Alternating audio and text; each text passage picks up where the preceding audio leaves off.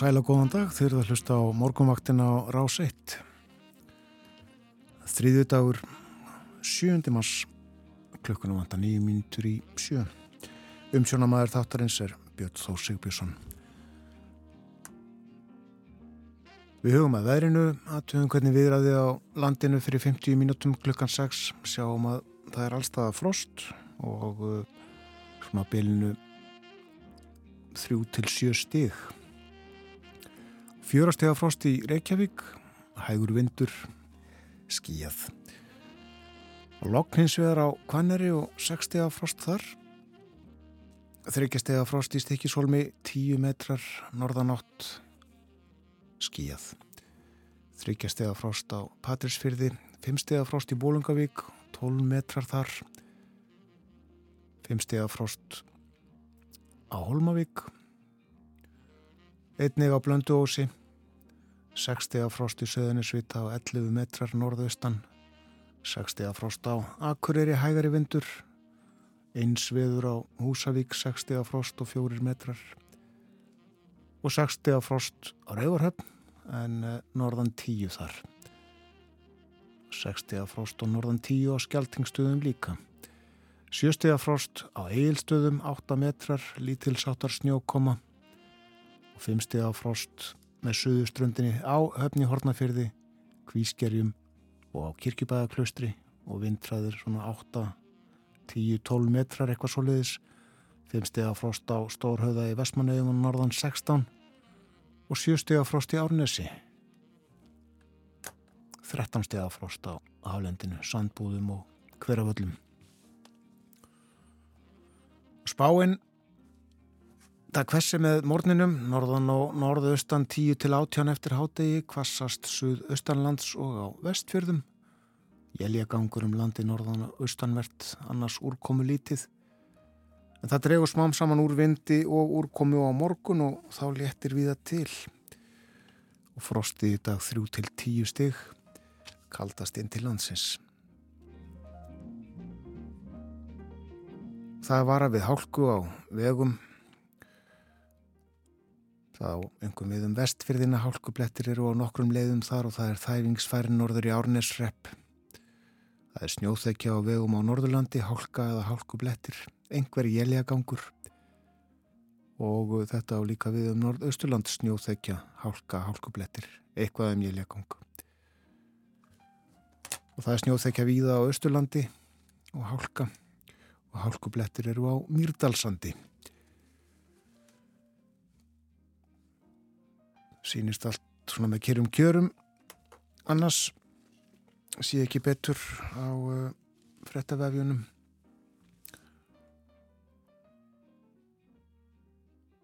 viðvarandi mannekla á grænlænska ríkisútarpinu segir hér í frett á rúf.is erum kannski meira að því á eftir.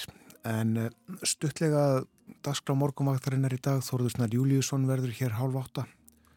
Við tölum um efnahag og samfélag tölum um verðbólguna, áhrif hennar á okkur, ekki síst á fastegnamarkaðin. Artur Björgum Bodlason verði með okkur, Berlínar spjall eftir morgun fréttir og uh, svo er það borgarskjálasatnið, þá að leggja það niður. Borgarskjálavörður verður með okkur í dag, verður hér hálf nýju, svo hann heldur bóadóttir, segir okkur frá starfseminni og við tölum auðvitað um þessa ákvörðun líka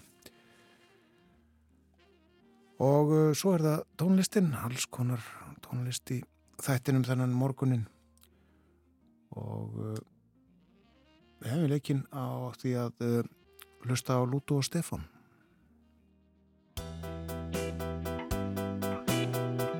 Þú er það svar sem leita lengst ég hef. Og lusnin sem að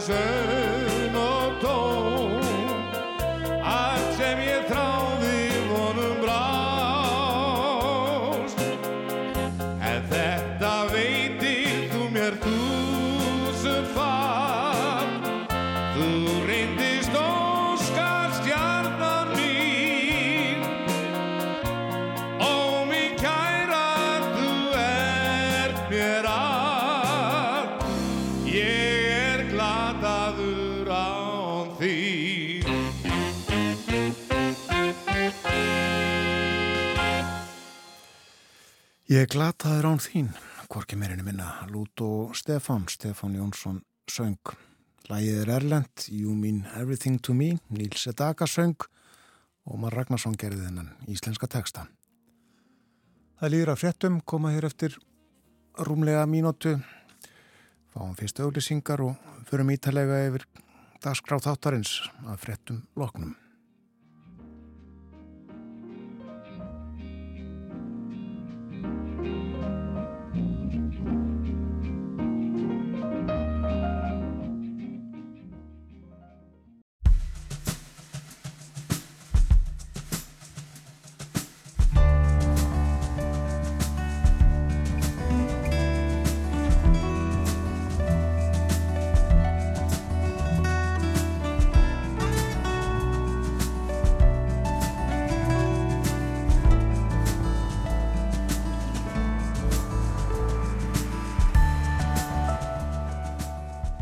Sæl, morgunvaktin býðu góðan dag. Það er þriðu dagur 7. mass, klukkan rétt hæpar fjóra mínutur gengin í átta. Umsjón hefur Björn Þór Sigbjörnsson. Þá að leggja niður borgarskjálasafnið, það er ætlun borgarstjóra og líklega fulltrúa flokkana í meiri hlutanum. Greiða á atkvæði um tillugu þarum á borgarstjórnafundi í dag. Þetta er umdelt, enda starfseminn mikilvæg, þótt sjálfsagt tiltölulega fáir borgarbúar nýti sér þjónustu sapsins svona dagstaglega. Svanhildur Bóadóttir borgarskjalavörður verður hjá mér klukkan hálf nýju. Við tölum um þessa ákvörðun auðvita eða tillögu en ekki síður en það starf sem að unnið er á borgarskjalasafni og hefur verið unnið síðan fyrir miðja síðustu öld.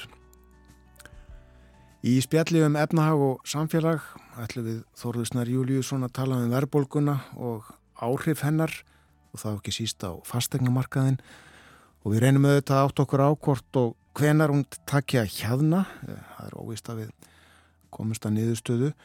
Við viljum líka að fjallaði um fyrirtæki Alvotek sem var rekið í 70 miljardar krónar mínus á síðasta ári. Og Artur Björgum Bodlason verður með okkur, Berlínar spjall á sínum stað eftir morgun fréttinnar og þessu sinni rappar Artur meðal annars við Lilju Alfreðstóttur ráð þeirra menningamála og hún er stött í Þísku höfuborginni til að rækta menningatengsl Íslandinga og þjóðverja og sækja viða mikla ferða kaupstefnu sem að haldinir ytra. Þísk stjórnmál verða líka til umfjöllunar í Berlínar spjalli dagsins. Það er kallt á landinu, frost, allstæðar og uh, svo verður áfram í dag uh, spáin er svona það kvessi með morninum, norðan og norðaustan 10 til 18 eftir háti. Það verður kvassast suðaustanlands og á vestfjörðum og jæljagangur um landi norðan og austanvert, annars úrkomu lítið. Frostið 3 til 10 stig kaldast inn til landsins. Og í hugleðingum segir veðurfræðingur næstu daga er útlitt fyrir fremur einsleitt veður, norrlegar áttir ríkjandi og jæljagangur fyrir norðan og austan, en yfirleitt þurft og lengst af bjart veður annars. Frostum allt land og gæti orðið hörkufrostum helgina ansi víða. Hörkufrost, það eru þá uh, tekja stafafrosttölur og ef við skruðuna hér inn í spákorti þá sjáum við já um, 10, 12, 13 steg af frost. 20 steg af frost á hálendinu. Það er meirin það síðar. Nú uh, ástandið á vegunum það eru hálku blettir á nokkrum leðum á vestfjörðum og þæfingsfær norður í Árnesreppi og á Norðurlandi, Norðausturlandi og Östurlandi er ímist snjóþekja, hálka eða hálkublettir. Og það eru hálkublettir á Myrdalsandi Ski aðeins ganni að hitastíginu núna í nokkrum borgum sem við skoðum stundum hér á morgunni dags. Tveggjastega hiti núna í Kaupanahöfn tíu stega frost í bæði Óslo og Helsingi sjö stega frost í Stokkólmi tveggjastega frost í bæði Þósöp í Færiðum og Núk á Grænlandi fjórastega hitti í París, tvær gráður í Berlin, tvær gráður líka í London, tíustega hitti í Róm, fjórtón gráður á Tenerife. Fer í 20, ég held að það fari alltaf í 20. Þá að uh, blöðunum byrjum á fórsýðu fréttablasins og uh, fórsýðu myndin. Hún er tekin inn í helli, ný uppgötuðum helli, réttið jarbuðin í mjósveit. Nýtt náttúru undur fundið, segir hér í fyrirsögn. En já, langur og djúpur hellir undir jarbuðinum í mjósveit uppgötaðist fyrir tilvílun. Rannsóknarlegangur verður farin á næstu dögum og uh, hann er sæðið stór merkur þessi hellir, heimamenn líkjónum við náttúru undur fannst fyrir tveimur vikum við jarðvegs framkvæmdir vegna nýbyggingar jarðbáðana í Mývasvitt. Er hellisopið nálagt núverandi út í klefum báðana. Og uh, lofthæðin þrýr til 6 metrar en uh, áallad er að hann séu 12 metra djúpur frá opi, opnast til vestus alltaf 100 metra og tegið sér 10 metra til östus og allt önnur jarðlög virðast undir böðunum en áallat hefði verið. Og uh, þessi fundur hefur verið tilkynntur til umhverjastofnunar það er stendað rannsóknarleðangri í næstu viku.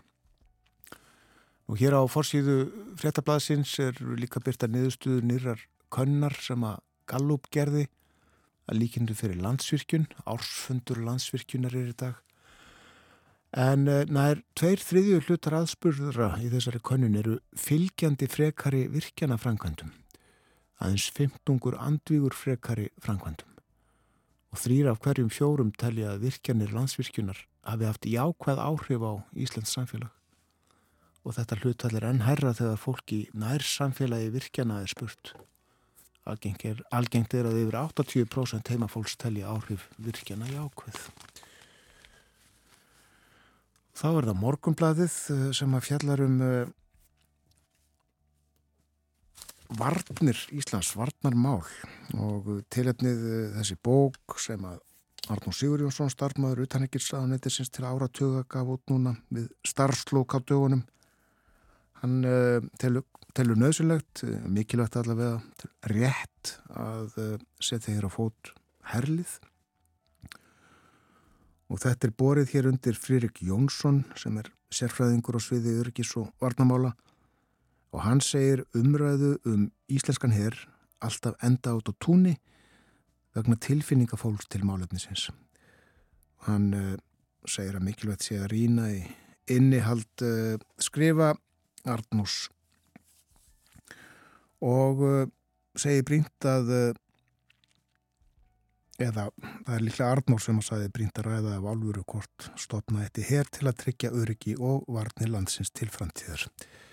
Og það er líka rætt við Baldur Þórhalsson, stjórnmálafræði professor en eh, hann segir Háskóla Íslands árum saman hafa reyndað fjármagna uppbyggingu á sérfræðið þekkingu í öryggis og varnavólum en íslensk stjórnmöld hafi til þess að verið afar áhuga lítil um það verkefni og ég held að bæði utanryggisráð þeirra og formaður utanryggismálun nefndar alþingis hafi lístið yfir í fjölmeilum að þau telli óþart að eh, velta þessu eitthvað fyrir sér að koma hér á herr Og það er fjallað um borgarskjálasatnið sem að ég talaði um í kynningu áðan verður til umfjöldunar hér milli hálf nýju og nýju þegar Svanhildur Bóadóttir borgarskjálavörður kemur í þáttinn.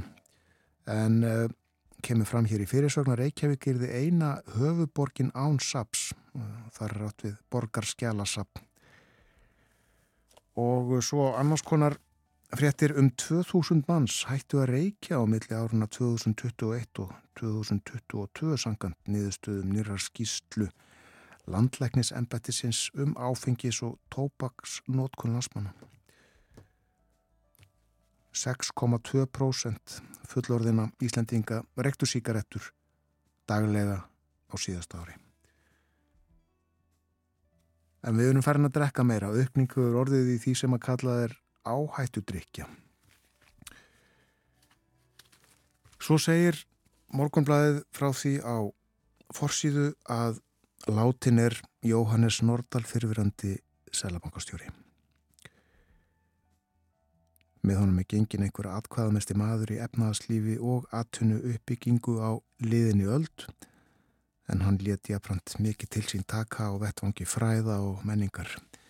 Jóhannes var selabankastjóri frá 1961 til 1993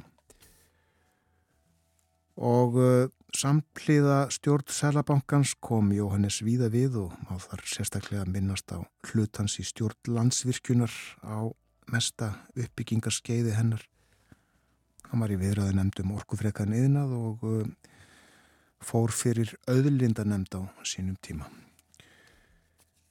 og fjallað uh, ennfrekar um Jóhannes Nordal inni í blæðinu og uh, hans er minnst í leiðrablaðsins líka.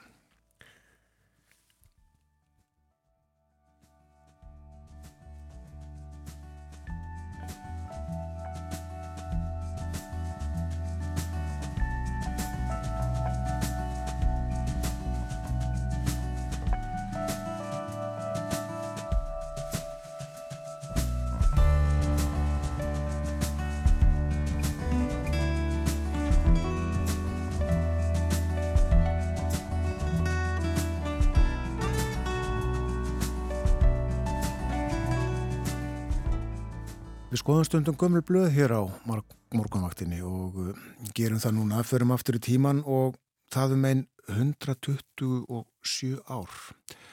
En árið 1896 voru fréttinnar um margt öðruvísi en í dag, uh, ekki síst fréttir frá landsbyðunum sem að byrtust í Reykjavíkurblöðunum. Þær voru dágáðan tíma berast og nokkuð ítalega var sagt frá því sem að helstumáli skipti og uh, það voru ablabröð og heiskapur og þetta veðrið sem að öllu stjórnaði. Í Ísafóld í desember 1896 voru byrtar frettir frá tíðindamönnum blaðsins á fjórum stöðum á landinu. Frá Seyðisferi var skrifað 20. á annan november mjög umleipingarsamt hér í haust 12. til 15. oktober þýður og tók nokkuð upp snjó er komin var mjög mikil undir. Þá voru rosar 15. til 19. með mikill í snjókomu. En 20. og annan til 20. og 8. ríðir og stórviðri, þá logn og stillur og stundum þýðviðri. Einn 15. november dimdi aftur að með nokkra hríð og helst oftast slemt til þess tólta. Síðan hefur verið mjög stilt og lít, en þó er all mikill snjór eftir enn. Fiskabli hefur verið hér þegar gefið hefur. Bátar eru hér mjög litlir en langt hefur orðið að róa. Síldarabli engin og hefur ekki verið nú þó nokkuð lengi. Og sama er að frétta af suðurfjörðunum eru flestir síldar útgerða menn hættir við að stunda hana í þetta sinn. Hér var talsverðu búið að slátra fjenaði þegar pöntunafélagsskipið kom en þegar búið var að fylla það voru 900 fjár eftir sem það gati ekki tekið. Var því slátrað hér og fengu menn gott verð af því. Hér eru nú orðnar tvær prentsmiður, enda tvö blöð, austri og bjarki og þó þrjú ef framsóknir tali með. Bjarkaprentsmiðan er nú nefnd félagsprentsmiðja. Það er skuldarprentsmiðan gamla frá Eskifyrði og er nú mjög úr sér gengin. Hina á Þorstedt Skaftarsson Rittstjóri hefur kiftana í hausta föðu sínum og auk þess fengið sér góða hraðpressu, all stóra og mikilvirka, hérna fyrstu komið hefur í þennan landsfjörðung og þykir það góð framför. Ætti eigi að verða skotaskuld úr því hérðan af að leysa af hendi það sem östfyrðingar þurfa að láta frá sér á prent út ganga og meira til. Og þá vestur á fyrði skrifaði vestur Ísafjörðarsíslu Arnafyrði 10. desember. Frettalítið má heita hérðan. Sumarið hér mjög vætusamt framundir höfudag. Þá brá til góðra þurka svo að menn heijuðu alltaf því í meðalagi þótt grasbretta væri ekki góð. Var á heiskap haldið áfram í sumar í lengsta lægi, allt framundir réttir. En vennin er að hætta heiskap í lok ágústmánaðar. Fiskabli var hér með langrýrasta móti í höst vilja mann kenna því um að um allan sláttin gengur mörg skip til fiskjar hér í fyrði en það höfðu varla tíðkast áður nema fáinni bátar hafa róið hér tvö næst undanfarin sumur. Það eru sunnlendingar sem hafa tekið upp á þessu. Það þykir heldur ekki bæta um að nú er farið að tíðkast að þilskip liggja setni hluta sumas og fram á vetur hér á fyrðinum á hlaðsbót með báta og fiska með lóðum þykja þeir ekki góðir gestir þar sem þeir róa út í fjörðarminni á móti fiskinum þegar hann er í göngu og slæja ofan í fjörðin. Talað hefur verið um að reyna að koma á samþygt gegn þessum ófögniði, lóða fiskveðum um sláttin og slæjingu ofan í fjörðin en tvísýnt þykir sömum á að hún komist í gegn.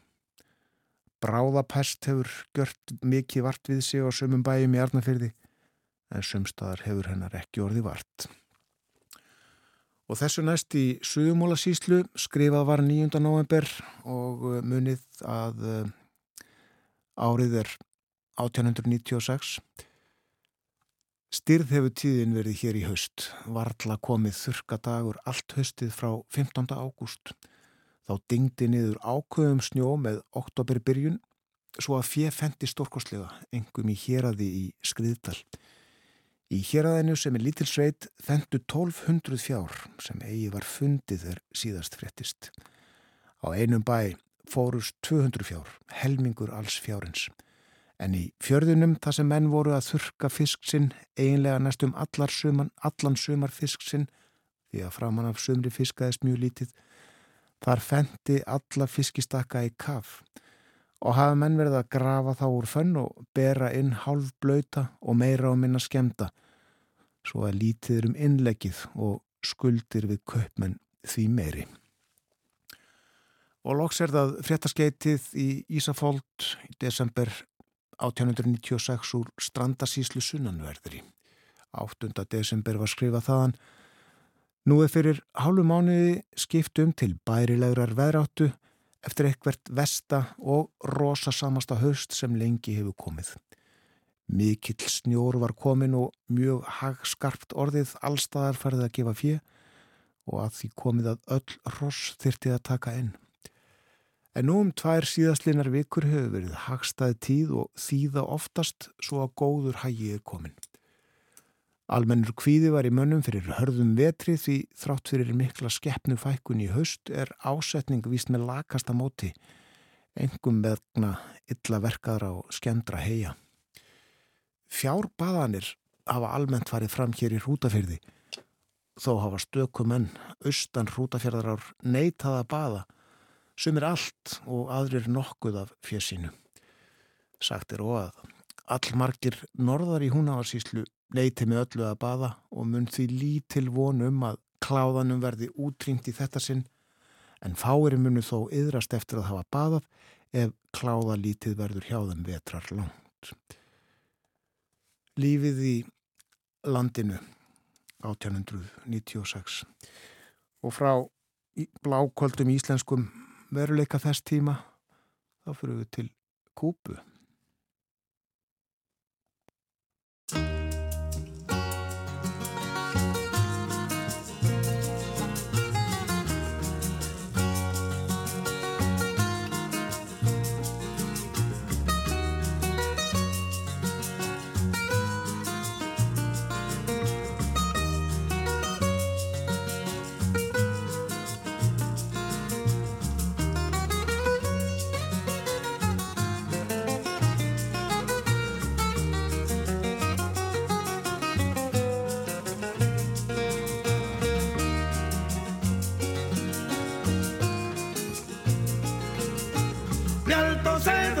para Marcané, llego a Puerto, voy para Mayarí.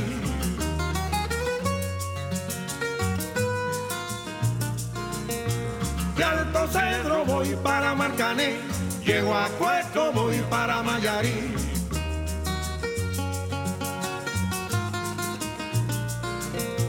De Alto Cedro voy para Marcané, llego a Puerto, voy para Mayarí.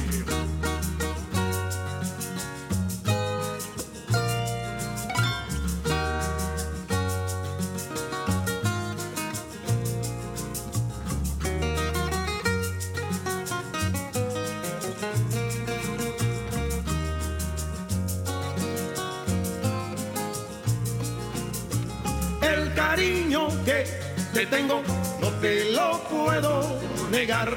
Se me sale la babita, yo no lo puedo evitar.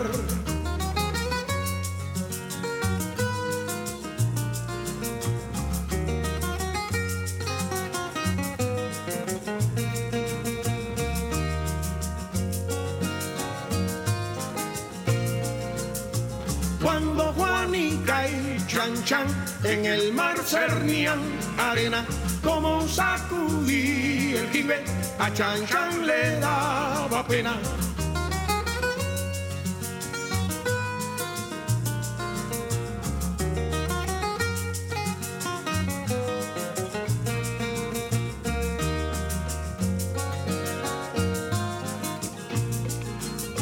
Limpia el camino de pajas que yo me quiero sentar en aquel y así no puedo llegar.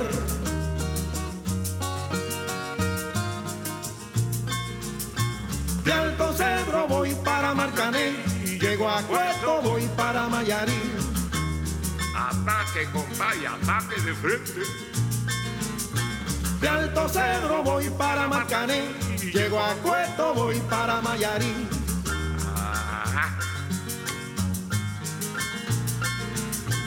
De Alto Cedro voy para Marcané, llego a Cueto, voy para Mayarí.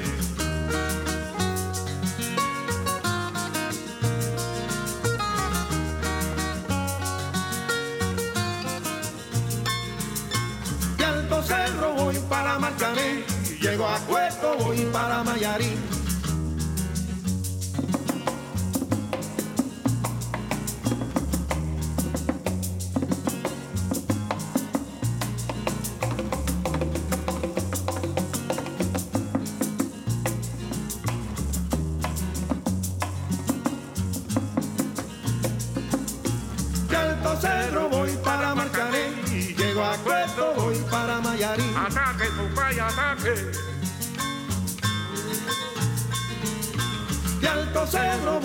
Para Marcané, llego a Cueto voy para Mayarín.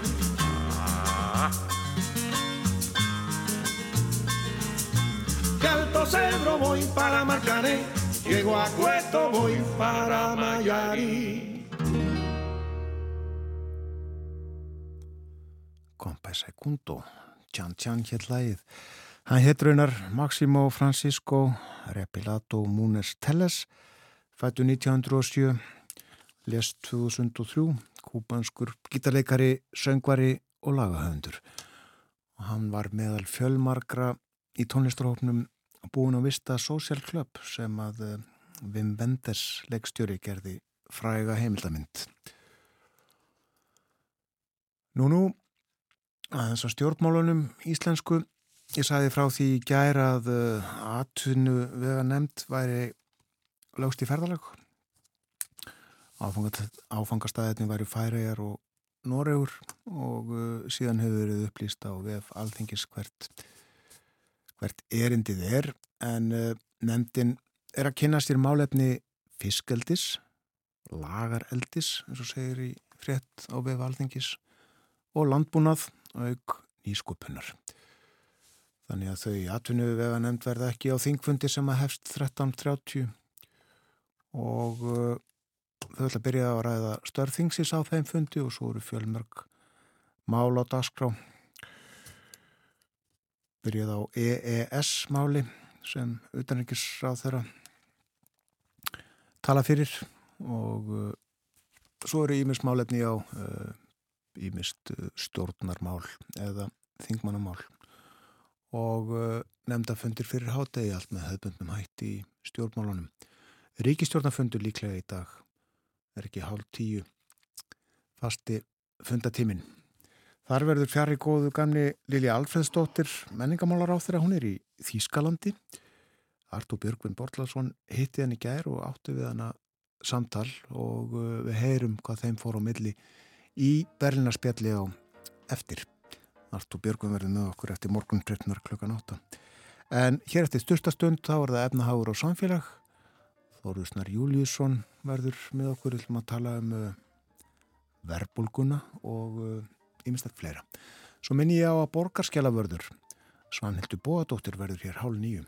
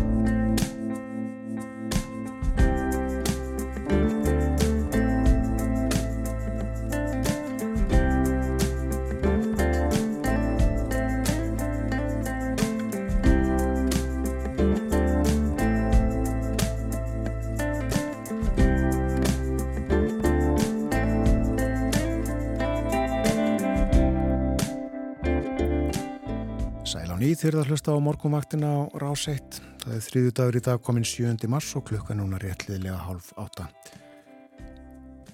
Við fyrir með veðurhorfur dagsins, það kvessi með morninum og uh, vindræðin 10 til 18 metrar á sekundu eftir hátegi og vindáttinn norðan eða norðaustan. Kvassast suð-vestanlands, suð-austanlands afrakið, suð-austanlands og á vestfjörðum og uh, það má búast við jælja gangi um landi norðan og austanvert annars verður úrkomu lítið. En það dregur smám saman úr vindi og úrkomu á morgun og þá léttir við það til. Frosti í dag 3 til 10 stík og uh, það verður kallt næstu daga, frost um allt land og það getur orðið hörgufrost um uh, helgina ansi víða það í huga. Nú ætlum við næstu mínutur að tala um uh, verðbólguna, það er uh, alltaf hækka. En nema hittast tíð Þórðusnar Júliusson reittstjóri heimildarinn er komin í þáttin eins og vanalega á þriðutarsmórnum heil og sæl og góðan dag. Góðan dag. Já, uh, við hefum fengið verðbólgu tölur síðan við töluðum saman síðast og verðbólgan komin yfir 10% Já, komin í 10,2% og annan mánuðin í röð virtist að koma uh, greiningaræðilum og ymsum öðrum í opna skjöldu að hún hafi hækka. Uh, það kom ju óvart í janúar þegar vetarrútsölur og annars líkt voru í gangi að hún skildi hækka þá og svo gerum við það aftur núna og, og horfurnar ekki beistnar. Við skulum muna það að í sent og síðast ári sömdu samt í þorrin á almenna vinnumarkaðunum um, um launahekkanir til skamstíma sem uh, voru svona með þeim fórmerkjum að, að, að þær áttu að minnst að kosti að duga fyrir verðbólkunni sem veriði eh, fram í janúar 2024 og, og nú bendi nú margt til þess að, að það mun ekki nást þannig að þessi sömdu um þær launahekkanir eh, munu þá eh, sennilega vera fyrir einhvers konar kaupmáttarýrnun á tímbilinu Er þetta bara eins og að reyna að spá fyrir um úrsliti fókbóltaleik að reyna að spá fyrir um verðbólku? Nei, það ánú ekki að vera það í ekki floknara hækkerfi en við erum með. Þetta eru þættir sem við ráðum ekki við, eða ítla við, uh, innflutt verðbólka. Uh, er þar auðvitað hérna Eh, stóra breytan, eh, getur verið breytingar á, á til dæmis eh, eldsnittsverði, við flytjum inn allt okkar eldsnittis, alls konar högt í aðfangakeðjum bara hækkanir á þeim vörum og ráefnum sem við þurfum að flytja inn til landsins.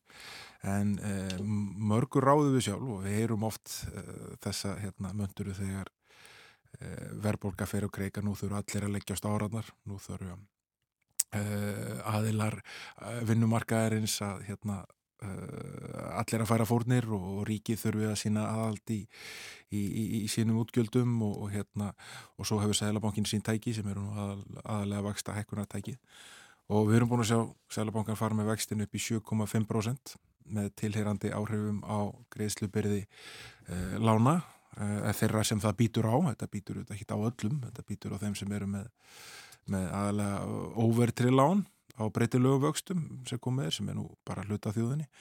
Um, og uh, svo erum við búin að sjá verkefnsfjölun semja til skamstíma en svo erum við að sjá uh, þetta ríkið reikið í umtalsverum halla það var 120 miljardar ætlaður 120 miljardar uh, halli á, á, á fjárlögum fyrir árið 2023 Eh, þannig að það hefur verið gaggrínt að ríkið hefur ekki sínt aðhald uh, til þess að, að koma til móts við þessa stöðu Já. og svo uh, eru er ímislegt svona sem hefur verið gaggrínt uh, í viðbröðum atvinnlífsins, ég sjáum til dæmis í þegar það voru komin fram ásætningar 15, fyrstu 15 ásætningar skrára fyrirtækja Eh, þá var eh, umtalsveit launaskrið hjá fórstjórum þeirra, þeir voru komin yfir 7 miljónir að miðaltali í laun og hérna hækkuðu markföld lámaslaun á, á innan við ári og innleðing á ýmsum svona hlutum sem eru verðinlegu fólki fjarlæðir, kaupaukar og, og, og kauprættir og, og hérna jafnvel greiðslur fyrir það að, að taka við nýjum störfum sem eru hlaupa á annað 100 miljónir króna. Eh, og svo höfum við líka séð uh, til dæmis uh, fyrir því að fyrirtæki, eins og dagar sem sína mikil ræstingaþjónustu við það í samfélaginu hafi tilkynnt sínum sínum viðskiptavinnum að, hérna, að öll launahekkunin fari út í verðlag. Eh, þeir reiknuðu sér niður og það, það var 11,9% hækkun með, með afturvirkninni. Þannig að hennu var allir í veld út í verðlægið og í verðið sem, sem hérna, þeir sem kaupa þá þjónustu þurfa að kaupa og þetta eru auðvitað gegn því sem hvart hefur verið til að, hérna, að fyrirtækinn halda þess að sér höndum og, hérna, og veldi ekki öllum hækkunum sínum út í verðlægið heldur leggist svo við gripum aftur í frasana á áratnar með öllum hinnum. Já, já hækkunni hjá þeim var afturvirk líka eins og launahækkaninnar. Já, já. og uh, svo þetta er hérna, uh, eru margi sem segjast sjá þetta víðar uh, í, í vörum, í sölu og vörum þunustu að það sé verið að velta hækkunum beint út í verðlag og það sé auðvitað auðvelt á Íslandi í ljósi þess að hér eru fákettismarkaðir sem eru varðið fyrir erlendri samkjöndi og, og það sé hérna uh, flesti sem er að keppa innan marka eru að verðlækja sér svipa og svo fylgja er einfallega bara hver örum með því að velta þessu út í verðlag En svona afturvirkar verðhækkanir, er það ekki óvinnilegar? Þar eru það, jú það er ekki hægt að segja annað. Geti Verslun ringdi mig og sagt að þú ert að borga aðeins meira fyrir spagettiði sem þú keftir hérna í desember. Já, hún getur náttúrulega gert það með því að, að, að hækka álagninguna á spagettiði sem þú keftir í desember og, og, og, og svona draga það álættun að þú sért mikill aðdáðandi þessa spagettís og þú munir kaupa það aftur og hækka það það mikið af því að að raun frá november. Að þú munir þá einhvern veginn greiða afturvirknina í næstu 2-3 skipti sem þú kaupir spagettiði. Já, akkurat. En uh, verðbólgumælingin uh, núna í síðustu viku, hún uh, síndi verðbólgu, hækkanir á ársgrundvelli sem sagt, í tekjast af að tölu og það er fyrsta sinn sem að það gerist í mjög langa tíma og þetta eru svona, ég var að segja, sálræn sásökamörk þegar þetta fer yfir 10%. Já, þetta er í fyrsta sinn frá 2009, þetta er fyrsta sinn í 13 ár, höstu 2009 sem að fer í svona tölur. Uh, og það er rétt. Uh, það var, uh, ég held að það sé meira sálrænt en okkur annað að, að hérna, vonast þið sem hundi haldast undir tveggjast af tölunni. En hér eru við og þetta er staðan og nú þarf að bara eða stuðinni Já, og einhverju segja heyrðu, þessar vakstahekkanir hjá Sælabankanum, það er döki, gagna ekki, gagnast ekki en á móti má segja að ástandi væri kannski miklu, miklu verra ef ekki hefur komið til þeirra. Þetta er auðvitað það tól sem Sælabankin hefur til þess að bregðast við uh, við verðbólgu. Uh, hvort sem fólki líka það betur að verð og það er þá hlutverk hans ef að verðbólga er mikil að beita vaksta hækkunar tólinu til þess að reyna náinni uh, í áttað markmiði sínu sem er 2,5% verðbólga Uh, og svo er það auðvitað annara að bregðast við því líka. Uh, stjórnvöld til dæmis geta eru með fjölmörd tól sem þau geta beitt til þess að svona, hérna, að mæta svona stuðum og, og svo eru bara hverja dæma fyrir sig hvort að þau séu að beita þeim, öllum þeim tólum en hérna, þau segja stuð að vera að gera ansi margt. Uh, og er líka undir ámæli meðal hans frá stjórnarhástöðinni fyrir að vera að gera lítið sem ekkert. Þannig að hérna eins og venja er þá kannski líka sannleikur neikku starran á villi eh, en þetta er eins og þannig að vakstaðekarnir eru þetta býta ekki á öllum. Við erum með stóra alþjóðlu fyrirtæki hérna á Íslandi sem eh, eru meira minna fjármögnuð og gera upp í erlendum eh, gjaldmiðlum, eru með dollurum með öll stærstu sjávortsfyrirtækin og Æslandir og Marel og, og fleiri. Og þannig að vakstaðekarnir Seðlabanka Íslands býta ekki á þessum fyrirtækjum sem eru aðalega með fjármögnuna sín annars eða eru um gjaldmili uh, og svo eru við reysastór fyrirtæki hérna sem reyka dótturfélag hérna í kringum álverinn og slíkt og þetta býtur ekki á þeim heldur. Þau eru með allt öðru sér fjármögnuna þau eru ekki í reikningi á íslensku bankunum sem er einnumur þannig að sáhópur og svo auðvitað eru við með svona kannski hliðarhóp sem eru bara uh, mjög eigna miklu reysaklingar í Íslandi sem eiga mikið eignum sem þeir flytja og eins og, dæminn sína en aðalhópurinn sem þetta býtur á eru þetta bara venilegt fólk og lítul með aðstofyrirtæki Já, kannski rétt árum við tölum við það sko það má eiginlega segja að, að bísna stór hluti af efnaðarskerfni hérna er ekki með nema vissuleiti stendur fyrir utan og, og, og svona hlutir hér hafa ekki stór áhrif. Nei, ég minna þeirra aðkoma að íslensku krónunni er aðalega svo að mánamót skipta þeir efru með dólarum íslenska krónur til þess að greiða fólkinu sem vinnur á Íslandi laun og, og, og tilhíðandi aðfeng sem þarf að greiða um hver mánamót. E, það er þannig. En það er fastegnamarkaðurinn. Þar finnur fólk einna helst fyrir þessu. Já, fastegnamarkaðurinn eru þetta, hann er farin að lækka og það var viðbúið. Uh, búin að lækka nú þrjá mánuðir öð, lítilega Uh, en uh, skulum samt hafa í huga að frá 2020 sem svona vorinu 2020 hefur fastna verið á, á höfbóksveðinu hækkað um næstu í 50% þannig að hérna, þessar lækkanir eru auðvitað mjög litlar í stóra samhenginu en ef þetta heldur svona áfram þá getur þetta haft einhver áhrif. Uh, þá er við búið að markaður myndi kælast, Sælabankin takmarkaði aðgengja lánum. Uh, við vorum hérna auðvitað með svona aðstæður þar sem við getum sagt að allar velar voru settar á fullt hérna í COVID, það var bara dælt út peningum uh, með lágum ótyrum ódurum peningum með lágum stýruvöxtum og, og hérna og alls konar aðgerðum til þess að, auðvelda böngum til þess að lána meira út. Og það var gert og það blés upp þessa bólu sem var og uh, fyrir viki eru ansi margir og ansi skuldsettir og eðlilega á þessum tíma meðal annars vegna þess að það voru skilabóð sem koma frá sælabankanum og stjórnvöldum að hér var ég mögulega komið eitthvað svona lágastar umhverfi uh, til að vera þá hoppuðu margir á nafnvexti, það er þessi svona overtriða vexti. Og sáhópur er uh, að býta í það súra núna, uh, þetta bitnar auðvitað langt mest á þeim. Uh, við tökum til dæmis bara, ég mynda dæmi um eitthvað sem er með 50 miljón króna lán á overtriðum breytilegum vöxtum þá hefur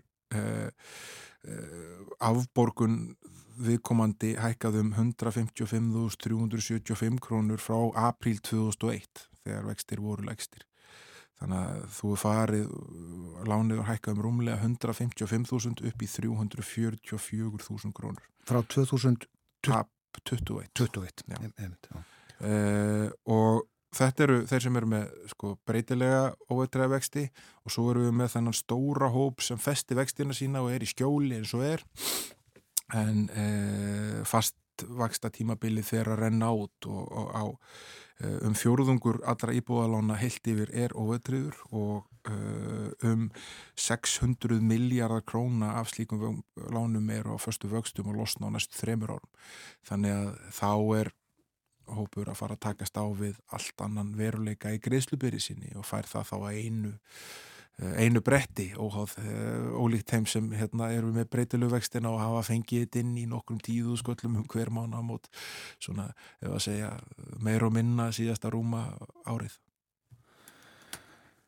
Fólk uh, kaupir sér auðvitað fastegnir af nöðsin uh, við þurfum all heimili það ráði ekki allir við þessar hekkanir auðvitað ekki og sjáum það alveg eh, nýleg galupkönnun síndi mikla breytingar á uh, fjölda þeirra sem uh, eru í vandrað með að ná endum saman, annarkot get ekki náð endum saman og samna skuldum eða hérna, er í vandrað með það og líka stór fór úr sko frá því apríl í fyrra og, og fram til byrjun ás í ár fór það, það hlutvallu 10% í 18% sem er svakalega mikið svefla og það fjölgaði líka í þeim hópi sem er svona eh, akkurat eitthvað neginn á nippinu.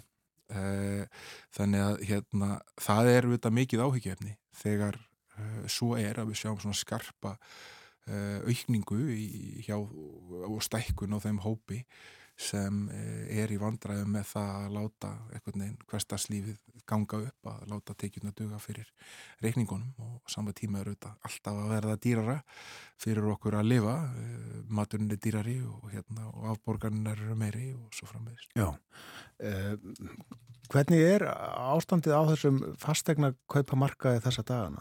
Eða sér stað mikil viðskipti?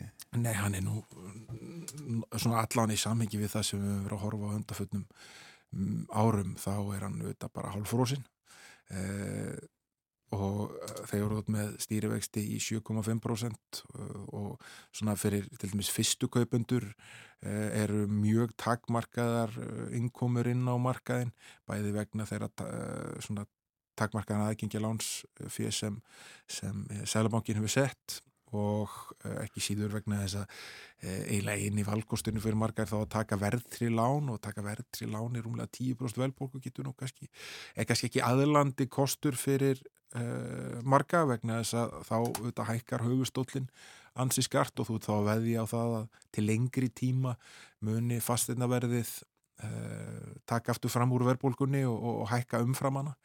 Uh, en hérna þetta er flókin markaður eins og hann er í dag og, og við erum einhvern veginn alltaf uh, að tala um fastendamarkaðin hérna á Íslandi út frá eh, einhverjum hliðum, annarkort er ekki nógu mikið byggt eða það er ekki nægilegt að, nægilega auðvelt aðgengi inn á hann, það er ekki nægilegt frambóð af, af lánsfið, kjörin eru ofond og svo frammeðis og, og það grundvallast auðvitað því sem þú sagðir hérna það þurfu allir að búa eitthvað starf og á meðan uh, húsnæði er skilgreint sem markasvara sem það er hér eins og annars það er flestum öðru stöðum í heiminum þá, eh, en ekki kannski eitthvað skona mannreittindi þá uh, virðist þetta alltaf að vera staðan Tölum um allt annað þóruðsnær fyrirtækið Alvotek sem að tapaði, er það ekki 70 miljardum króna á síðast ári?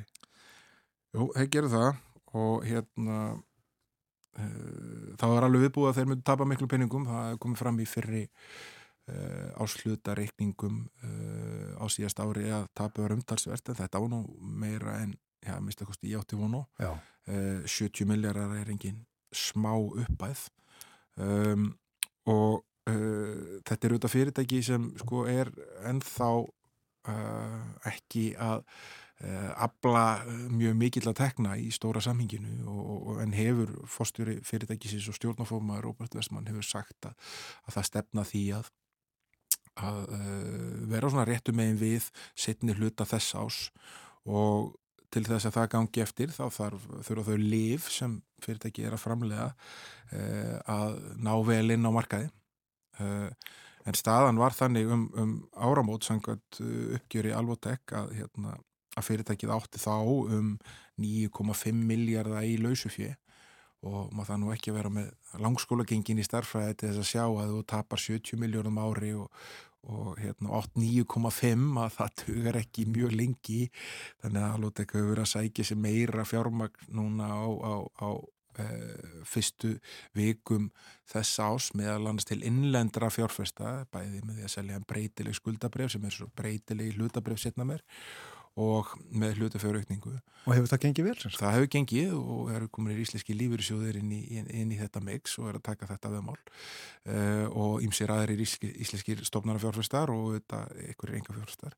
Þannig að hérna uh, það verður aðdeklisvert að sjá hvort að uh, það hlöpi síðan á snærið og þetta gangi allt saman eftir sem lagt er upp með og því að Alvotek hefur líka þrátt fyrir þennan mikla tabregstur sko hækkað alveg gríðalega í verði á uh, markaði og orðið allt í einu verðmætasta fyrirtækið á skráðu markað á Íslandi þrátt fyrir að græða engan penning og það er þá verið að væntalega að fjárfestarnir að, að verðmæta væntan ávinning ef að áform fyrirtækis ganga upp.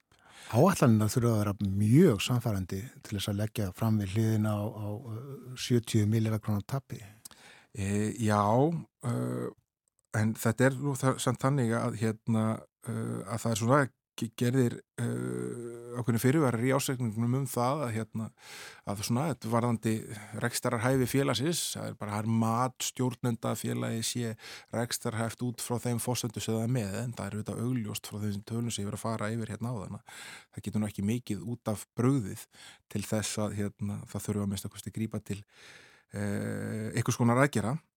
Og, og svo er þetta líka aðteklisvert að sjá þennan veruleika þannig að við erum með alþjóðlitt fyrirtæki sem er að herja inn á já, ímsa stóra markaði en ekki, ekki bara að horfa á að vera hér á Íslandi svo mörg fyrirtæki sem eru skráð og íslenska hlutabarmarkaði eru, eru svona íslensk þjónustu fyrirtæki og, og það endur speglast meðal annars í, í kjörum stjórnenda eh, sem Alvotek uh, skipti um fórstjóra undir loksíðast á, sagði upp Mark Leivik sem var fórstjóri fyrirtækisins og, hérna, og Robert Westman tók sjálfur við stjórnátaumunum um áramót og Uh, fráfarandi fórstjóri félagsins fekk uh, samanlagt í laun og starfsloka greiðslur á síðast ári 300 miljónu króna.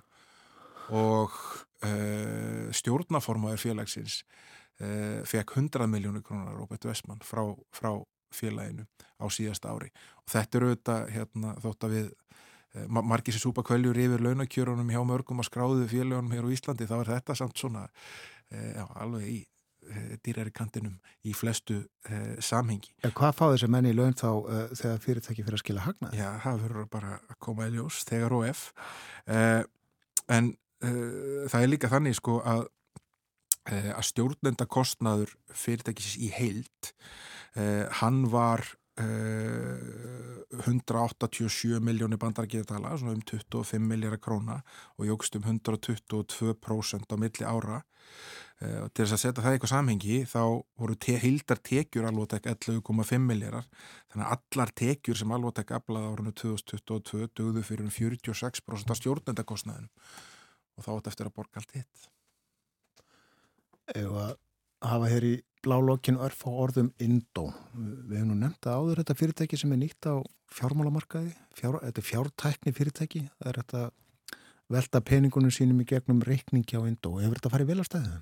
Uh, já, þetta verist að hafa farið príðilega af stað hjá þeim. Uh, að minnst að ég tók viðtal við fórstjóra Indó uh, fyrir ekkit svo lungu síðan og þá voru þeir á svona fyrstu dögunum eftir að þetta fór formlega af stað búin að ná einum 900 miljónum í, í, í innlán og hérna og ná hátt í 16.000 viðskiptavinnum og þetta eru þetta fróðuleg tilraun vegna þess að, að viðskiptamótilið, það er margir verið að spyrja sér hvernig allar er afla tekna og, og, og, og því var svarað þannig að, hérna, að það er með tvennum hætti annars vegar með því að að leggja fjármunina sem kom inn á innlásreitninga hjá þeim inn í seðlabankan að mestu og fá herri vexti á, á, á fjármunina þar og nota síðan mismunin til þess að greiða meðal hans fyrir rekstur fyrirtækisins.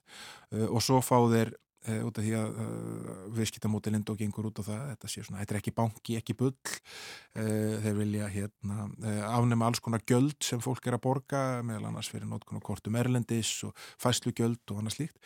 En þeir fá síðan hlutild í þeim kostnaði sem lendir á seljendavörunar þegar kort eru strauð út af því að þeir eru með svona hluti af, af uh, útgáðu batterínu fyrir kortin. Þannig að það er ekki neytandin sem greiði þeim heldur seljandin vestlæðinar þeir fá hlutild í því. Já. þannig að þetta er til dúra svona já, einfalt uh, mótel og það verður frólætt bæða að sjá hvort að þetta gangi út af upp og hvort að fólk hoppa á þennan vagn og sjá hvort þetta muni leiða sér breytingar hjá hinnum sem eru á markunum Uh, og fórstjóri Indó saði það við mig að það væri meðal hans tilgangurinn ef að þeir tekist að breyta hinnum þá væri einu á markmiðunum Heldur að uh, stóru bankandir hafi áhyggjur? Ég held að þau eru nú ekki að kannski hafa stóra ráhyggjur að minnst eitthvað enn sem komið er vegna þess að vöru frambúðið hjá Indó fyrir ekki að takmarka en þá þeir þurfa að vera með kredtkort og yfirdrátt heimildur og annað stíkt en það stendur til í haust þannig að við skulum sjá til þá. Kæra þakki fyrir komuna í dag Þórusnar Júliusson rappa hér um efnahag og samfélag eins og við gerum á þrjúðasmórnum. Frettinnar eru framöndan kom eftir 5 mínútur. Eftir þær verður Artur Björgum Bodlason með okkur frá Berlin og hann ræði meðal annars við Lilju Alfreðsdóttur á þeirra menningamála um samskipti Íslands og Þýskalands á sviði menningamála.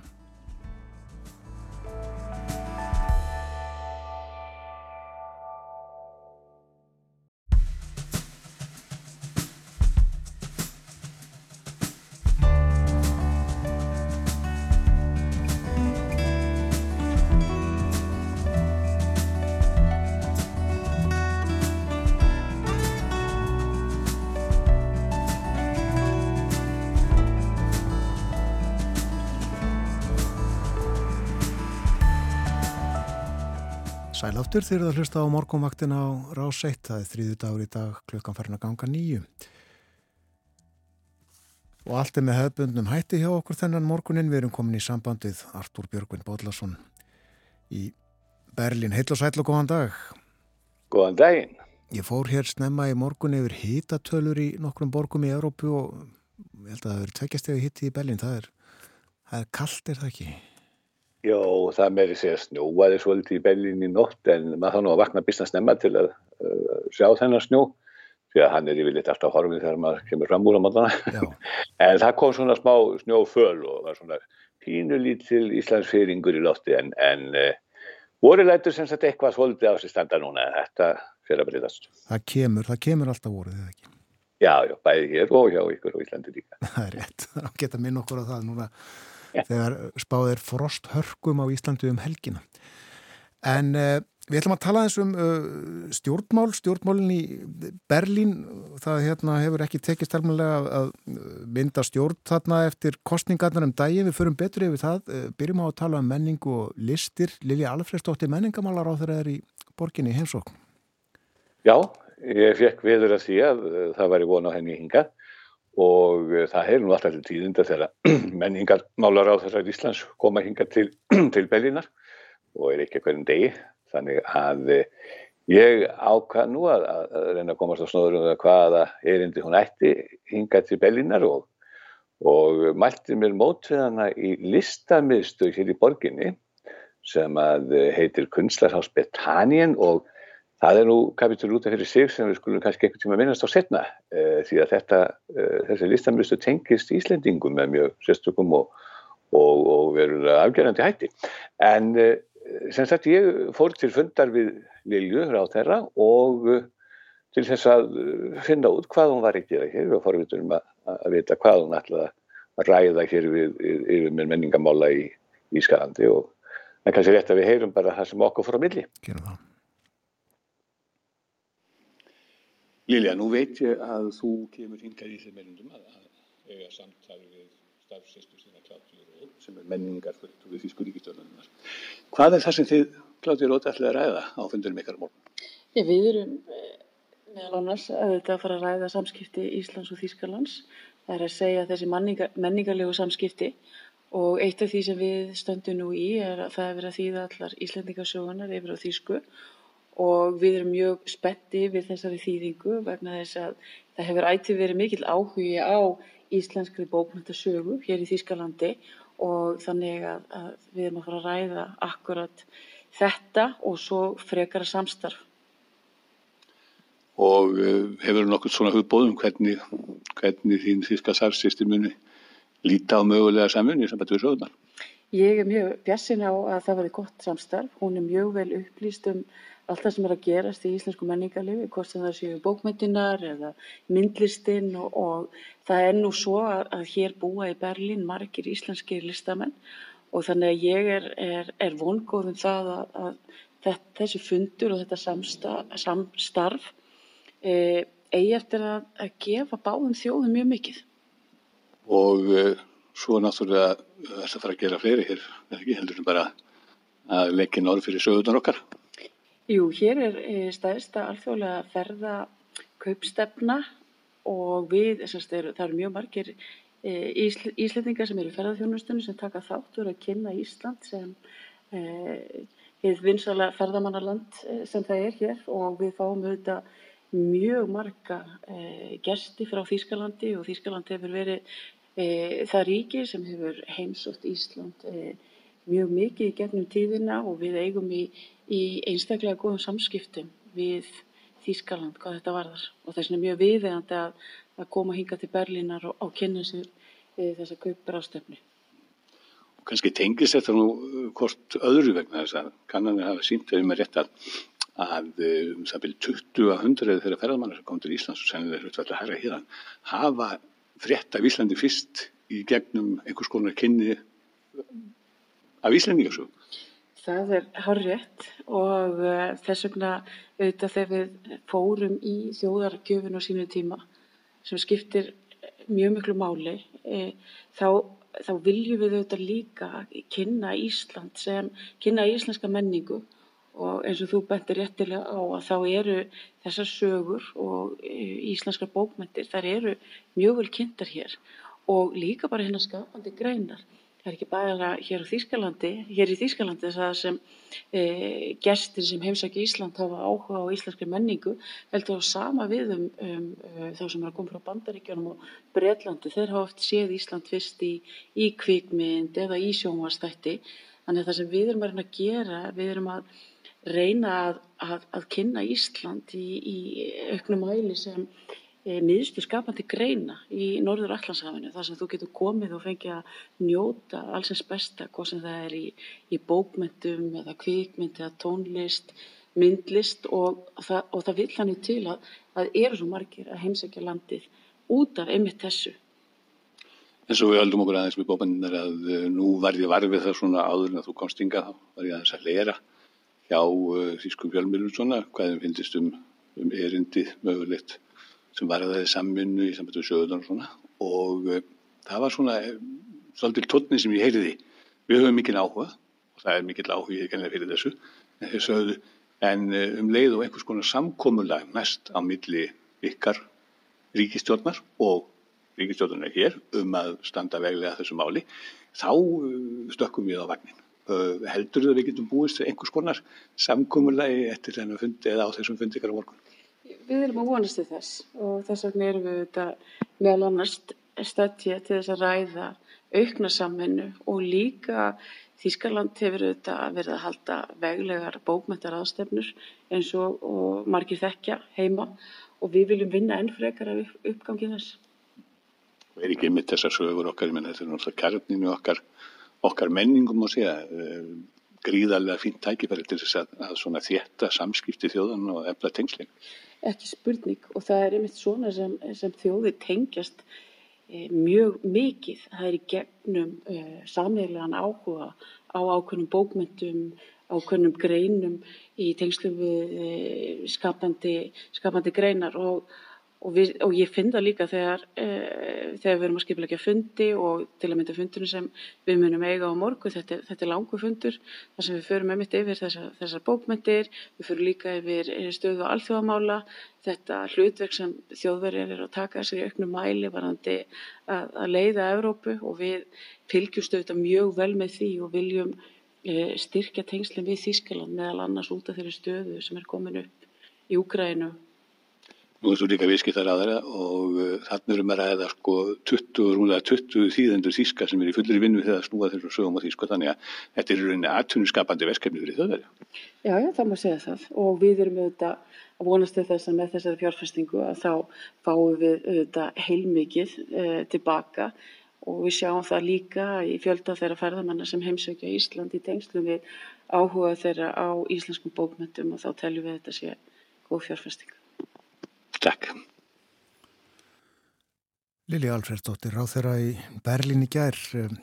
Ártóbjörgun, þetta er, eh, það er ímislegt sem hún er að fara að gera, ræða þarna um já menninguna eins og hann talaði um og svo er þessi ferðakaupstefna. Já, það er kannski rétt að nýta því aftan við að uh, það er svolítið merkilegt má líka þessi ferðarkaupstefna sem er hefst hér í dag og stendur bara í þrjá daga. Hún er uh, tveimdugum stittir heldur en hún var fyrir heims þá voru þetta fimm dagar það er að segja þrýr dagar þar sem engungu fagaðilar uh, mættu og, og svona uh, gerðu, gengur frá, frá samningum af eins og tægi um, um ferðarþjónustu en, en núna var ákveð og svo var alltaf tveir dagar eh, sko síðustu árum þar sem að þar sem að stepp, köpstefna var opinn fyrir almenning og hægt var að kaupa sig inn og það var gríðarlega vinsælt. Það komið þúsundir, ef ekki döð þúsundir manna þá tvo daga og og genga millir básana til þess að sjá hvað væri í bóði í hennum einsu löndum og heimslutum en það var ákveðið einhverju hluta vegna að eh, stittana núna, það verður eng, verða engir dagar opnið fyrir almenning, heldur bara þrittja daga kaupstefna. Í bóstalega mekkingu þar sem að þar sem að uh, síningaraðilar og, og ja, kaupendur, seljendur og kaupendur ráðar áðum sínum. Og það er kannski þetta nefna að uh, það er núna sko Eftir því sem ég kemst næst þá munum vera um 10.000 síningar aðeinar á uh, köpstefninu núna eða síningar básar og uh, þetta eru aðeinar frá um rúmlega 60 löndum og það er búist við um 160.000 gestum úr ferðarþjónustu í heiminum á, á staðin. Það er skriðalugu fjöldi, fjöldi gesta hér í Belgin af þessu tilefni og, og í brennið deppli í ráðstefnunum er alltaf eitt land og að þessu sinni er það landið Grúsía. Kanski má ég ekki kalla það Grúsía, Georgia heitir það nú vist en í Galadaga hétt þetta eitthvað sem að Grúsía og uh, það er sem sagt landið sem er í brennendepli þetta árið þannig að í dag mun uh, menning bara ráð þeirra okkar liðlega Arfistóttir ganga um þessa kaupstupnum vantanlega heimsækja síningabása Íslandinga sem eru þarna með tölvöld mikið bæði Æslandir flugfélagið með sérstakkan stóran bás alltaf og svo er Íslandsstofa með, með kynningu á, á því sem að fjöldi fyrirtækja í Íslandika ferðarþjónustunni er að gera. Já, akkurat. Það er fjallað um uh, Berlínar heimsóknu ráð þeirra á heimasíðu ráðunettisins og þar kemur líka fram að hún rætti í gerð meðal annars við uh, listamennina Önnu Júliu Fríðbjörnsdóttur og Styrmi Örn Guðmundsson sem er í hópi fjölmarkra íslenskra listamennar sem eru í Berlín vinna þar. Já, það er svolítið sérstætt eins og ég segi, við, ég legg til að við spjöllum einhvern tíma setna svolítið um það ídarlegar. Þetta hús, þessi listamistu Betanien, hún er ansið mikið atkvarf fyrir íslenska listamenn hefur verið um árabil þess að við ættum nú einhvern tíma að ræða það í málgúrutappinu þegar það er í gefstað. Það er alltaf mikið mál og miklu meira mál heldur ég sjálfur helt. Ég fór með, fekk að, að ganga um húsið með Lilju Ráðherri í jær og, og skoða og, og, og fretta þessu og styrmir nokkur, myndlistamæða þetta með okkur, við hittum líka önnu og fórum inn á vinnustofa. Þetta, þetta er heilmikið mál sem að þarf alveg bara sérstakann post til að ræða. Geimum það, en uh, dempum okkur í pólitíkinni Berlin? Já, það er nú ímislegt á segði og ekki hægt að láthendur höfuleikast að minnast á það sem hér er að gerast. Hér, eftir kostningar, þessar auka kostningar sem voru haldna hérna fyrir skemstu í Berlin, þess að var aftur kosið til borgarstjórnarinnar eða í ráðhúsins hér, vegna uh, klaufaskapar fyrir halvöru ári kostningum, þá var það endurtakaðar eins og við höfum nú farið yfir mm -hmm. en uh, eftir það leitt út fyrir eftir kostningarna leitt út fyrir að þó að, þó að stjórnarflokkarnir hér hafi tapað fylgi að þá heldur þeir meiru hluta og menn byggust í því að Franziska Giffey, borgarstjóri sem að er fyrir hans jafnaðamanna hér og leiðtói jafnaðamanna, hún vundi áfram stjórnabelli með græningum og vinstirinu Uh, en það, eins og ég segi, þeir hafðu törulega meilfluta til að gera það þó hann hafi rýrnað svo litið en og kristilegir bættu hins vegar við þessi mjög miklu fylgi uh, tíu af hundraði sem er mjög óvinnulegt á milli kostninga með skömmum fyrrvara en uh, það voru nú flesti sem byggust við því að, að þeir eru áfram í stjórnaranstöðu og, og fyr, þeirra fyrirlið vikunar hann var kallaður kongur, hann var, hann var talið að hann er áfram kongur án ríkis eins og það stóð En í síðustu viku gerðist það svo alveg óvænt að Franziska Giffey vendi sínu kvæði í kross og tók upp uh, viðræður um stjórnamöndun við kristilega. Og þetta kom mjög mörgum í opna sköldu. Uh, en það var endal vitað að Franziska Giffey, hún var ekki mjög sæl í, í samstarfi sínu við vinsturflokkana.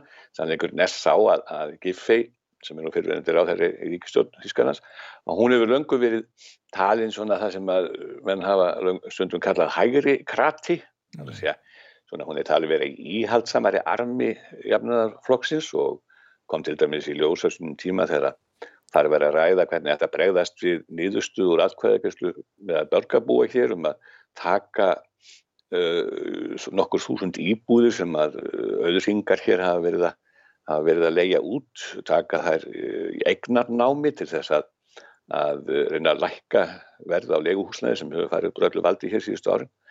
Og þrátt verið mjög skýran og aldráttarlega sem vilja stórs, meir, mikils meirins þetta borgarbúa eh, um að eh, borginn hlutaðist til um og gengi málu og, og tæki þessar íbúður eignarnámi þá sverskallaði skipfið við að fylgja nýðustuðum kostningarna eftir og Sömulegis var uh, alveg ljósta, hún hefur ekki verið mjög uppveðrið yfir stefnu græninga í umferðarmálum. Þeir vilja jú takmarka bílaum fyrir verulega hér í borginna, kostna hjóluröða fólks og fólkgangandi vegfæranda. Og uh, það er kannski að sömuleiti röggrétt að hún sé núna komin í samkrull við kristilega því að, því að það eru slíkar hugmyndir alls ekki að döfinni en, en uh, það finnst verið ekki alveg ljóst hvort þessi sambræðingur uh, jafnaðamann og kristilega verður að veruleika því að Margir telja ólíklegt að, að félagar giffi í flokknum, jafnaðar manna flokknum hér í Berlín, sem þurfa að leggja uh, bressum sína yfir samstarfi, þeir muni taka þátt í leiknum og, og ef það gerist að flokkurinn, flokks, fólkið fellir samstarfsanningin þegar það er að kemur, þá getur það nú haft verulega áhrif á politíska stöðu í giffi því að þá eru þau jafnaðar að leita aftur á náðu græningi á vinsti og sem eru æfir út í giffi fyrir að hafa skilið og eftir út í kuldanum og, og fórustu fólk begja þessara samstaflokka, eða fyrirverðandi samstaflokka, hefur líst í yfir að það kom ekki nokkur að greina að vinna með fransísku gifri framar, þannig að það er að finna sagt, einhvern annan fórustu sög til þess að leiða nýja vinstistjótt ef til þess kemur. Já, mm. hún get ekki komið þarna aftur með skottið á milli lappana. Hún tefnir gert greinlega í pólitíkinni. Já, hún tefnir nokkuð djart og þetta er tölver áhættar sem hún tekur og það er, sko, það er verulegur ágreiningur á milli flokkarna, jafnaðarflokksins og, kristilegri hér og hefur við í borgamálunum. Að það verður jáður um 20 ár hafa, hafa, hefur við vinst í stjórn í Belin og það er því mikil kúvending ef að, ef að hægri flokkur kemur sér eftir þetta valda, það er langt síðan að það var og uh, hún er að taka mikla áhættu vegna þess að það eru nú þegar búin að heyrast marga rattir frá flokksfélögum, að félögum í flokknum og svona einingum, félagseiningum sem að hafa sagt við förum aldrei í samstafið kristilega kemur ekki til mála. Og, og hún fekk sem sagt umbótið það farið þessa samninga verið frá stjórnflokksins hér í Bellin en það er bara lítill hópur. Og svo þarf að bera hugsanlegan sáttmála, stjórnarsáttmála, borgarstjórnarsáttmála undir einn breyðu fylkingu í flokknum hér sem er tölvöld öllu og ef að þú fylking segir nei þá verður hún auðvitað að hlýta því og þá getur hún að fara að draga allir tíðunda. Já, en kristilegi demokrátar eru hægt og býnatan á vopnum sínum aftur eftir ófæriðnar í þingkostningunum síðustu? Já, allavega hér í Bellin. Það er náttúrulega búið að ganga mikið á hér og það er, það er alltaf svolítið, sko, það er, flokkarnir eru misöflugir í fylgjónum, það er vitamál og þeir hafa verið að sæti sér verið hér Þeir hafa nú ekki verið skoðanakonunum að, að, að eflast samanskapi á landsvísu. Nei, ja. Þeir hafa aðeins verið að sessast við en, en ekkert verið að sækja í sig verið líkungu við þessi hér er það sem er bættu bara við sig á milli kostinga 10% og það er mjög mikið. Þetta er svona svolítið, er svona svolítið eftir ástandin í fylgjónum. Berlin er ju eitt af fylgjónum, er svolítið fylgi og, og hér hefur pólitíkinn löngu verið með svolítið öðrum brag heldur en við annar staðar, til dæmis eins og vinstrið sem eru bara hreinlega að detta út af öllum þingum og allstað og jáfnveil af sambandsþinginu, þeir eru alltaf verið töldulega öflugi hér og það er svona sérstaða beilinar. Þetta verður alltaf verið mikil vinstrið svebla hér yfir litt í gangi. Já. Uh, hér í blálokkin uh, er uh, Sjóls kanslari þokkalega brattur þessa dagana? Já, já, hann er náttúrulega, skopmyndir voru síndar á honum á, á fórsíðum stóra tímarita, þar sem hann fór að hitta, hitta stóra bróður í vestri hann er ekki hár í loftinu Scholz og Biden, Joe Biden fórseti bandaríkjana nokkuð hár.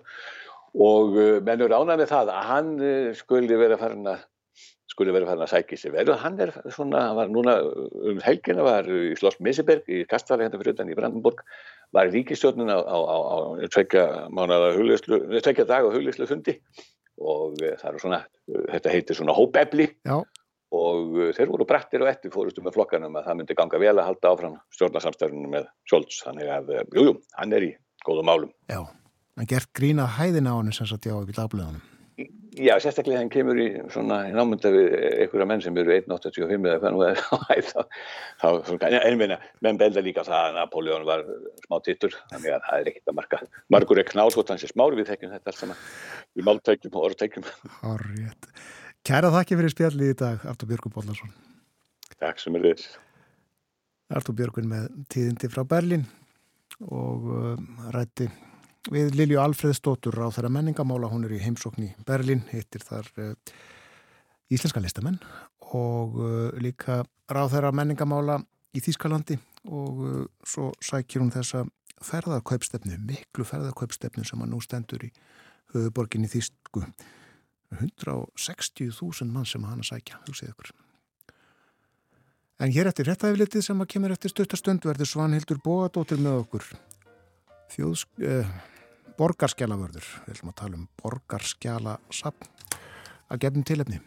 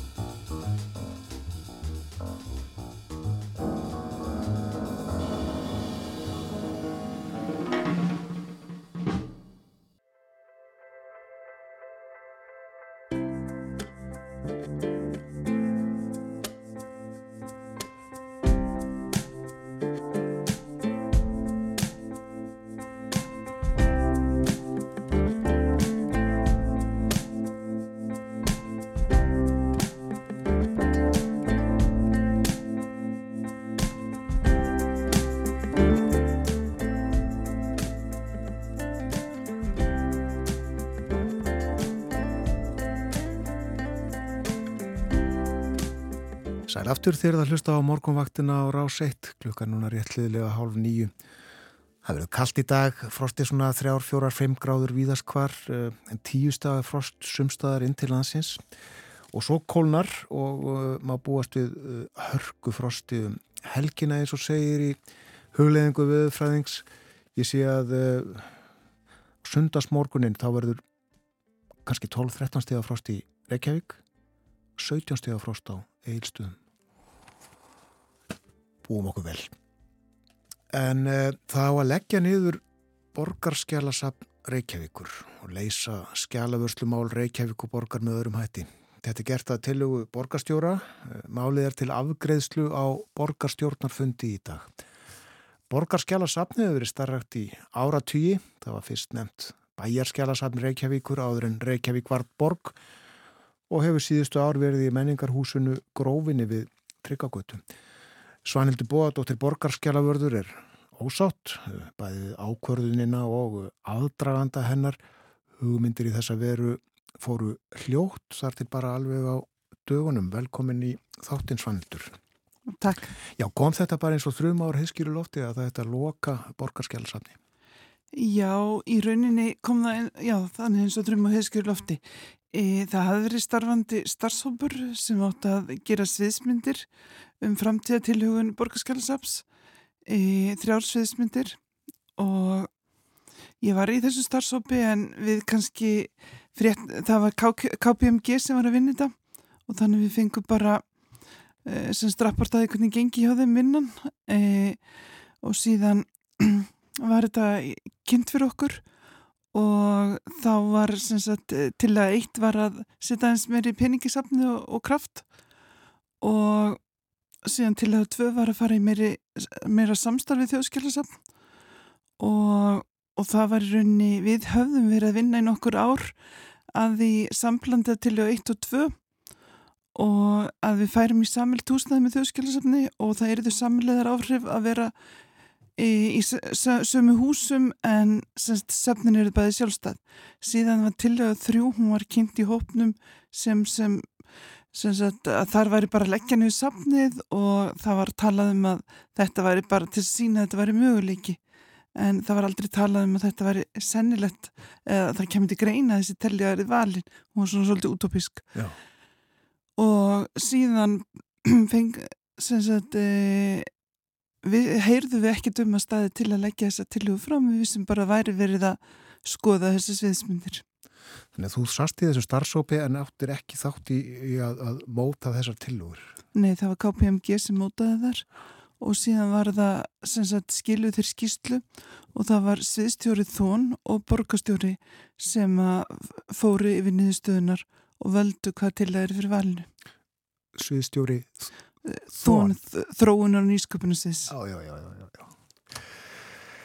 Var það aðkallandi að uh, fara í þessa vinnu þurfti og þar kannski reglulega að, að fara svona yfir, yfir sviðið, starfseminna, vega og meta hvort breytaði eða, eða ekki um, Ég myndi segja að það hafi ekkert verið kannski sérstaklega aðkallandi en hins vegar um, hefur Það, það reglulega endur skoða starfs, starfsemi og stefnumótun og það eru mikla breytingar hjá ofinbjörnskjálusöfnunum.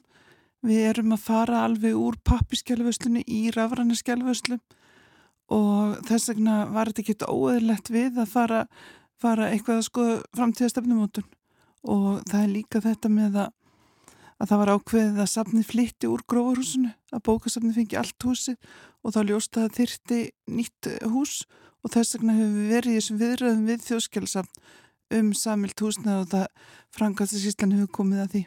Hvað vinnur margt fólk á borgarskjálfsafni? Við erum nýju fastistarsmenn og síðan er eða svona cirka tveir tímabundir áðinir. Og er þetta dýrstarsemi? Þetta er að kosta skattgreðendur um þannig 170 miljónir ári og þar að vera 60 miljónir af því að fara í leigu til borgarna sjálfur sjálfur. Þannig að þetta er raunverulega að kosta 110 miljónir, semst það eru launin eru tafla 100 miljónir og við erum fá, við erum alltaf að reyna að fá styrki og sérteikjur og þannig, já, þannig tekst þetta. Akkurat. Og uh, þetta fer fyrir uh, borgarstjórn í dag, þar verða greita atkvæði. Einmitt. Þú skrifa grein um álið í morgunblæðið í dag og þar eru líka uh, greinar eftir aðra.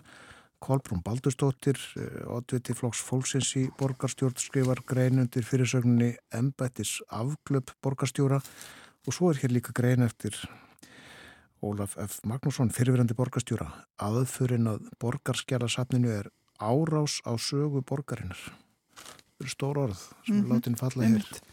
En þetta er náttúrulega, borgarskjálasafnið er bara það mikilvæg stopnun innan, borga, innan borgarkerfisins og maður hefði aldrei átt vonu annar eins allegu þannig að þetta er svolítið til í þessu jánum og það er náttúrulega við erum, við varfitu sögur Reykjavíkur og semst þá er það E, það eru um alla ákvarðanir sem hafa verið teknar og ástæður fyrir að voru teknar eða ekki teknar og bara um, um allt kerfi til dæmis eins og e, frá skólakerfinu leikskólum framkvæmdum og allt slíkt og það er bara, það er mikið nótu skjölin hjá okkur og við náttúrulega starfsmennir eru sérfræðingar í þessari sögu. Já, þú hefur komið aður í þáttin og, og rætt svona tiltekin aðmörkuð mál er varðarsafnið og skjöliði til dæmis þegar vöggustofumálið svona enda kom upp aðeins um það, það var mikið mikið hringt, margir sem að komu og spurðust fyrir um skjöl, upplýsingar um sjálfa sig og, og af þessum vöggustofum. Er, er mm. það ennþá, er það búið? Það er ennþá bara ég, bara líku við hvernig með einasta degi að fólk sé að byggja um skjöl um sjálf sig og bæði, já, um vöggustofunar Og rannsóknir hafin á þessu, er það ekki? Já, það er vöggustofunemdin er að rannsaka málið og hún er mikið hjá okkur að fara í gögn og slíkt Já, já og En svona almennt að eh, hlutverki og starfsemi förum svolítið ítalega yfir þetta, hvað þið gerið Já, Við erum í samskiptum við stofnarniborgarinnar og þá eru við, semst við erum að fara yfir eins og mála likla og skjálfistuna allanir í borgarstofnun leita til okkar og öllu sem við kemur skjálfistlu og skjálfistjórn og til dæmis er búin að vera núna alveg hrína í sambandi við miklu. Það er, það er ekkit einfalt mál fyrir skólana þegar kemur upp mikla og þeim ber að varfita skjölinn og þannig við höfum verið að ráðleika þeim í því. Og síðan erum við að taka við eldri skjölunum leiðbynnaði með að ganga frá þeim og slíkt. Og þá er ég núna er ég að tala um þetta varvislu hlutverk að taka við skjölum borgarstofnuna og nú er þetta það sem hefur breyst sem sagt eh, er að nú er þetta verð, fyrir þetta verða miklu meira rafrænt við erum bara vinn í því að far, við erum í þessum far, fasa að fara yfir í allar aftekka verði rafrænir. Og þannig að þetta, það er svona mikilvægasta verkefni okkur kannski núna. Já og síðan eru við að sagt, e, í samskiptum við engaðila sem vilja aðfenda skjöld til okkar. Og þau komaði við litt óskráð og þarf að skráð þau. Og reyndar frá sumum borgarstofnun líka. Og nýjasta dæmið sem var í fréttum hérna með skjöld frá Veslinni Brynju alveg frá upphafi og sem hefur bara mjög merkilt samt og síðan er, semst, erum við með lögfræðing sem er í að sinna þessum einstaklismálum og það er rauninni bara meira en fullt starf semst, og það er mikið spurt um barnavendamál og, og líka mjög, mjög mikil aukning á sem beðum greiningar úr skólum. Og síðan eru við, við með starfsmann sem er í að, að ljósmynda skjöl og sem setur svo vefin og annan sem er í að skanna ljósmyndir og, og sinna öðrum önverkefnum og já, þannig að þetta er bara, þetta er fjölbreytt verkefni, síðan eru við semst höldum við mútið vef þar sem er mikið af skjölum og við erum með öðru kormi síningar og slikt og síðan er eftirlitið. E, við höfum verið með reglubundi eftirlit með stórun könnunum á fjórarafresti og síðan bregðstu við ef það, við fáum ábendingar. Eftirlið sér satt með skjala vörslu Já, borgastamnuna Hvernig stendur borgin sig í þeim málum? Um, hún, uh, ég myndi segja að fyrir kannanir síndu að borgin var ekki að standa sér neitt sérstaklega vel en e, það sem er þó til varnar er að það hefur vant að svolítið bara að sérst, sérst, í rauninni þetta hefur verið gott ástand hjá stóru stopnunum, svisskristofunum og slíku og í ráðhúsinu. En þetta hefur verið miklu erfiðara hjá litlu aðlunum segjum eins og skólum og leikskólum. Þeim hefur vant að svo nöðsilega aðfeng og það hefur verið við hefum verið með námskið við erum með alltaf reglulega með námskið fyrir borgarstofnunir og þar hefur verið þeir hafa alveg verið jákvæðir eins og skólastjórun en þeim hefur bara vant að aðfengin og síðasta skýst, svona almenna skýsla kom át á síðasta ári hjá okkur eða ég segi síðasta ári það var e, jú það var síðasta ári og í kjölfarið var farið á fulla ferð í að koma upp skjálfistunarkerfi hjá litla aðlunum og þannig ég vona að næstu kannun þá verði þetta margt komið í betri vekk. Já, já. En eins og þú sagðir áðan, uh, þá er tölvört um það að almenningur, ef við getum sagt sem svo sæki í uh, safni leiti þar eftir einhverjum tilteknum upplýsingum uh, og svo líka vantarlega fræðimenn. Já, fræðimenn koma tölvört mikið til okkar og við erum með fræðimannaherbyggi og það er stöðugt í nótkun og það er raunni bygglisti og það er núna er verið að vinna stóra rannsóknir fyrir aðeimannherbygginu og þannig við erum búin að koma fyrir fleiri borðum þannig að fleiri getur verið þar á sama tíma. Já, akkurat. Og síðan eru þannig að hafa fræðmenn verið mjög ánæði með hvað við erum að setja heimildum á netið. Já, ég talandi um netið ég reyndi að fara inn á uh, vefin ekkar um daginn og þar var bara ekkert að finna Nei, hann sem sagt eh, hann var lagður niður í nógumbur síðast ári og það var eftir að þetta var áður mjög gammal vefur frá því 2007 og það var talin að hætta á að, að aðilar myndi gera áras á hann og hann myndi rinja þannig að það var tekinn svo ákvörðun aðilegja niður. Já. en við erum að fulla að, að undirbúa nýja vef. Það er mitt aðan og það er hægt að komast í öll gagnin á vefsap, semst vefsap.is Akkurat, já, akkurat Getur þú sagt okkur frá umfangi skjálasapsis, borgarskjálasapsis er einhvern veginn hægt að gera hlustendum eh, svona einhverjar hugmyndir um það hvað, hvað þetta er mikið magn skjala sem þið gemið Þetta er, e, sannkvæmt síðustum meðlingum um 10.500 hillumetrar. Og hillumetri er þá það sem rúmast af öskjum í eina eitmetri hillu. Og e, og þannig að síðan e, til þess að geta við höfum ekki fengið nýjar geimslu síðan 2007 og til þess að geta að það var orðið mjög plástlust hjá okkur. En síðan nýttu við COVID-tíman þegar að safnið var lókað til þess að fara í gegnum geimslunar og, fund, og það er búið að vika út reglur um hverju með eða þannig við eittum mjög miklu semst af skjölun sem var heimilt að eða og þannig að nú höfum við pláss. Og e, það er eins og ég segi þetta með að við erum á þessu e, tímanbili þegar við erum að skipta yfir rafrænt og áður fyrir voru um 350-500 hillumetrar sem komu inn á hverju ári. Og þessi gömlu húsnæðisútreikningar frá því 2014-2018 þeir miðust við það. Að þetta er bara línuleg aukningaskjölum en núna erum við bara eins og segið þetta eru gengi miklu hraðar að fara í undirbúra afrannavaruslu en jápil við áttum vona á Já. og þannig að það eru stórir aðilar sem að þurfi ekki mun ekki þurfa að prenta út tökum eins og uh, dæmi um launadildina og fjárraksviðið og slikt og skólana sem mentor sem er ekki þekkja að nú verður þetta varðist rafrænt. Og neittalega mikið hægraði af því. Já, og þannig að þetta er búið að detta úr semst, frá því að vera um 500 hillumetrar á ári niður í það að vera um 150 og við sjáum fram á þetta eftir að minga ennþá meira. Já. Að því við erum bara komin inn í þennar rafræna tíma. Og þess vegna e, fannst mér var ég að benda á að þessar tölur eru ekki sagt ekki réttar sem er í skýslinu um að við, við séum að þurfa einhverjar reysastórar geimslu sem er að standa auðar í 30 ár. Akkurat, akkurat. Hvað finnst þér um uh, mögulega saminningu borgarskjálasaps og þjóðskjálasaps? Um, ég er sem sagt um, það sem ég finnst að þessar tilhugur það við höfum sem stemt að því að fara í samhælt húsnaði með þjóðskjálfsafni og bara, við vorum, fyrst voru þetta við fóstumenni sem rættum þetta og síðan var fara að ræta við fleiri starfsmenn og fólk bara almennt mjög jákvæmt.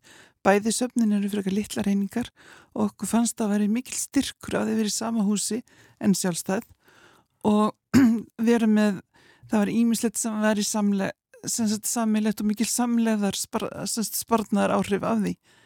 E, síðan væri annað ef það væri ákveð, ef það væri ef að tillagan hljóðað upp á að samina söfnin að þá er þið bara farið viðræður um það.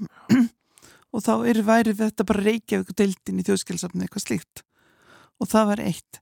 En það sem ég finnst bara út í hött það er bara samþykja eins og tillagan stendur núna að það er bara samþykt að leggja niður safnið. Bara leggja það niður. Og það verist, þetta er svo óljósar hugmyndir um að skjölin eigi að fara að renna bara inn í þjóðskjálasafn og borgarsögu safnið, það eigi að taka sér miðlun, það auðvitað fylgir miðlunin skjölun sjálfum. Þetta er ekkert eh, einhverstar annar stað miðlun. Og það er talað um að borgarsögu safnið eigi að fá að fá skjöld til þess að nota síningum þau fá alltaf öðru hverju skjöld til þess að nota síningum bara ef það oska eftir því það afgrefu það og þau fá skjölin. Þannig að þetta er mjög skrítið og svo finnst mér bara ég veit ekki hverjum dætt í hug að fara að afgreða skjölin semst á borgarbókasafni. Vilja þeir sem eru að sækja um vöggustofumálinn sín bera það upp við afgreðslu borgarbókasafnsins og fá þar skjölin. Og það er náttúrulega það er engin þekking eins og hjá okkur. Nei, það er ekki sama hvernig þetta er gert en, en, en þannig að ég er, sagt, þannig ég er á móti þessu, þessu orðalagi með að leggja safni nýður mm samþykja að leggja safni niður og fara síðan í viðræður. En saminning safnana er ekkit algalinn hugmynd að þínum að því? Það, það kæmi alveg, það, það væri bara, það kæmi til greina en, en það er náttúrulega bara eðlert að höfuborgin sé með sjálfstæðsafn. Já, höfuborgir eru með sjálfstæði skjálasöfn viðast hverjum heimin eða ekki? Jú, mér er sem sagt eh, ekki viðast hverjum heim, jú viðast hverjum heimin en það eru oft náttúrulega undertekningar kannski með Afrikuríki eða eitthvað slíkt en í mér vitalega eru öll, öllund í Evrópu með all, allar höfuborgir í Evrópu með eigi þannig að borgarskjálsa Já. Eh, Það er borgarstjóri sem að uh, hefur hvað ég að segja, kert þetta mál áfram eh, finnst þér sko almennt vera áhugi í borgarstjórn á þessu? Mér finnst þessi mikill áhugi. Og það er unni hefur komið bara óvart hvað hvað eh, við hefum fengið mikið stöðning en að sjálfsögða þetta frá, frá minnilutunum Já, það er ekki terti eða frá, frá borgarfulltrúum í meiri, meiri hlutunum öðrum en, en þegar ég bækið sinni. Nei. Býstu frekka við að þessi til að verði samþygt á borgarstjórnafundi í dag? Í, það veri mjög ofanlegt ef það var ekki samþygt en auðvitað vonast ég til þess að að borgarstjóri sjá það sér og það verði farið sagt, eh, þetta verði svona réttari leið. Það verði farið að þetta verði, mál verði skoðað það verði farið viðræðu við ríkið. Já. og síðan lögð fram til það að fylgjast með fundinum? Að sjálfsögðu Þakka að kellaði fyrir að koma á morgunvaktina. Takk. Þetta var um eh, skjálamál Reykjavíkur Borgarskjálasafnið svo hann heldur búið dóttir Borgarskjálavörður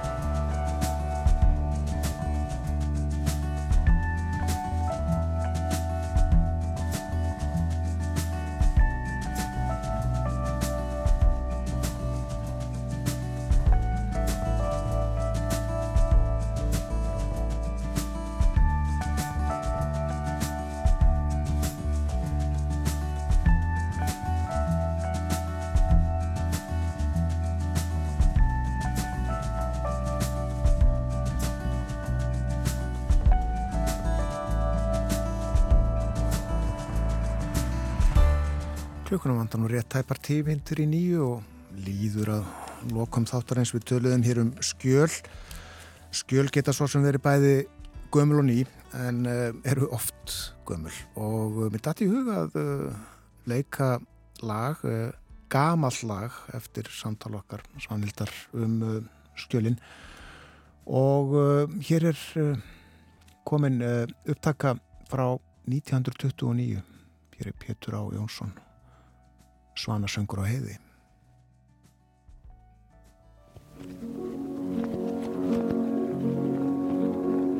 Ég reyðum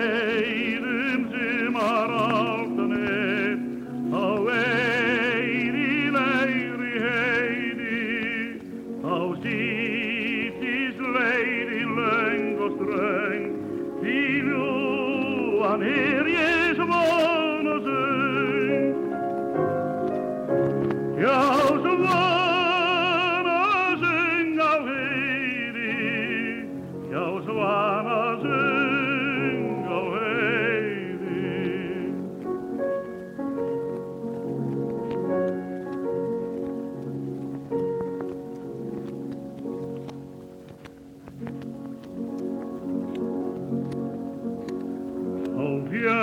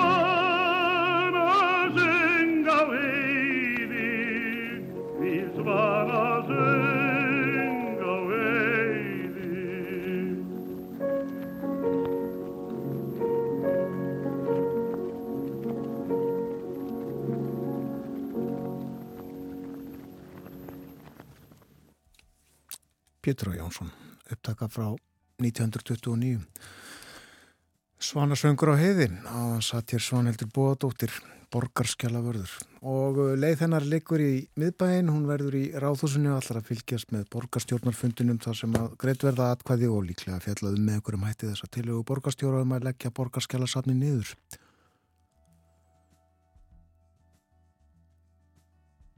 Artur Björgum Bóllarsson var með okkur í morgun og uh, við leikum samtal sem hann átti við Lilju Aðfreðsdóttur menningar á þeirra. Hún er í Berlín, Þískalandi, heita þar uh, Þíska stallsistur sína og íslenska listamenn sem að vinna, búa í borginni og svo ætlar hann að sækja þessa ferðakaupstefnu sem að haldin er þar 160.000 manns sæki þessa kaupstefnu. Þorðusnar Júliusson líka hér í morgun við tölum um verðbólgun og áhrif hennar eh, þau eru mikil eh, og ekki síst á fastegnamarkanum og eh, mikil já fyrir fólk sem að það nú að borga miklu, miklu, miklu meira í fastegnalón en áður. Þetta er með lokið, við verðum hér áttur í fyrramáli. Þökkun samfélgina, verðið sæl.